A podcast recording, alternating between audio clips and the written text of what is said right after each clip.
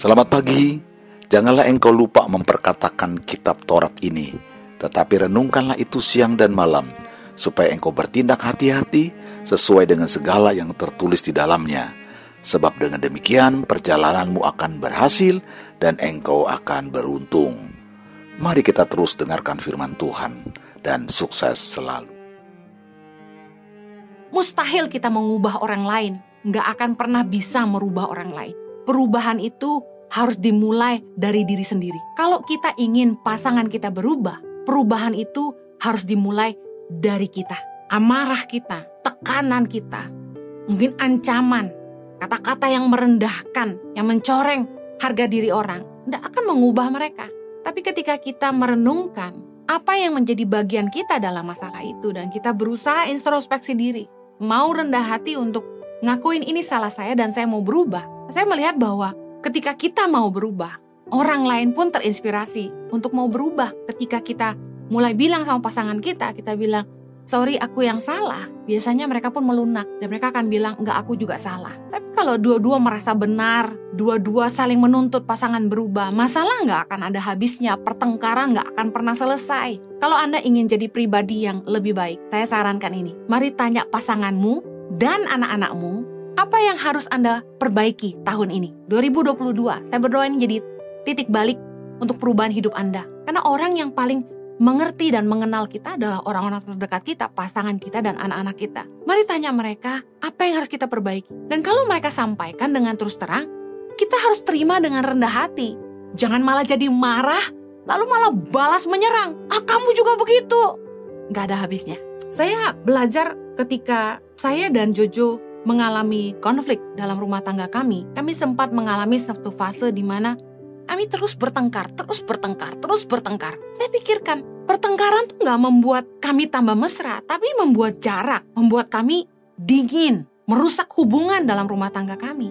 Pertengkaran tuh nggak mendatangkan kebaikan. Pertengkaran itu mulai berhenti ketika saya ambil waktu untuk introspeksi diri. Apa kesalahan saya dan apa yang saya harus lakukan? Ketika saya menyadari apa yang menjadi salah saya dan saya berusaha berubah, saya lihat Jojo berubah. Saya ketemu dengan pasangan yang mereka bertengkar itu nggak ada habisnya. Konseling sama kami, konseling sama suami saya, berkali-kali bahkan lebih dari lima kali. Tapi terus saja begitu, bertengkar dan makin parah. Tindakan kekerasan fisik mulai terjadi juga. Orang pikir masalah mereka akan selesai kalau mereka konseling dengan hamba Tuhan yang menurut mereka mampu menolong mereka. Tapi menurut saya, dengan siapa pun Anda konseling, Siapa pun yang memberi nasihat kepada Anda, tidak akan mengubah keadaan kalau Anda sendiri tidak mau berubah. Dinasehati, tidak mau berubah. Masalah tidak akan selesai. Kita yang harus cari tahu titik masalahnya di mana. Masalah terjadi, konflik terjadi karena ada kontribusi dari keduanya. Jangan tuntut pasangan kita, tapi mari mulai berubah dari pihak kita.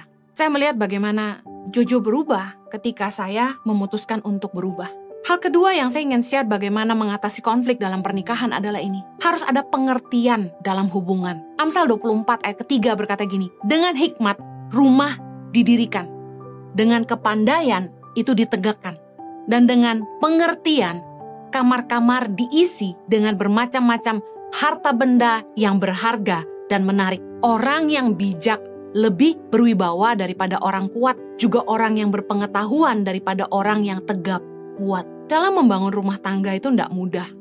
Kita butuh hikmat dari Tuhan. Kepandaian bicara tentang bagaimana kita cakap dalam mengatur rumah tangga dan dibutuhkan pengertian di dalam mengisi kehidupan dalam rumah tangga kita. Bukan bicara soal seberapa kuat Anda sehingga Anda bisa menang dalam pernikahan Anda, tapi sebagaimana Anda bisa belajar bijaksana dalam menjalaninya.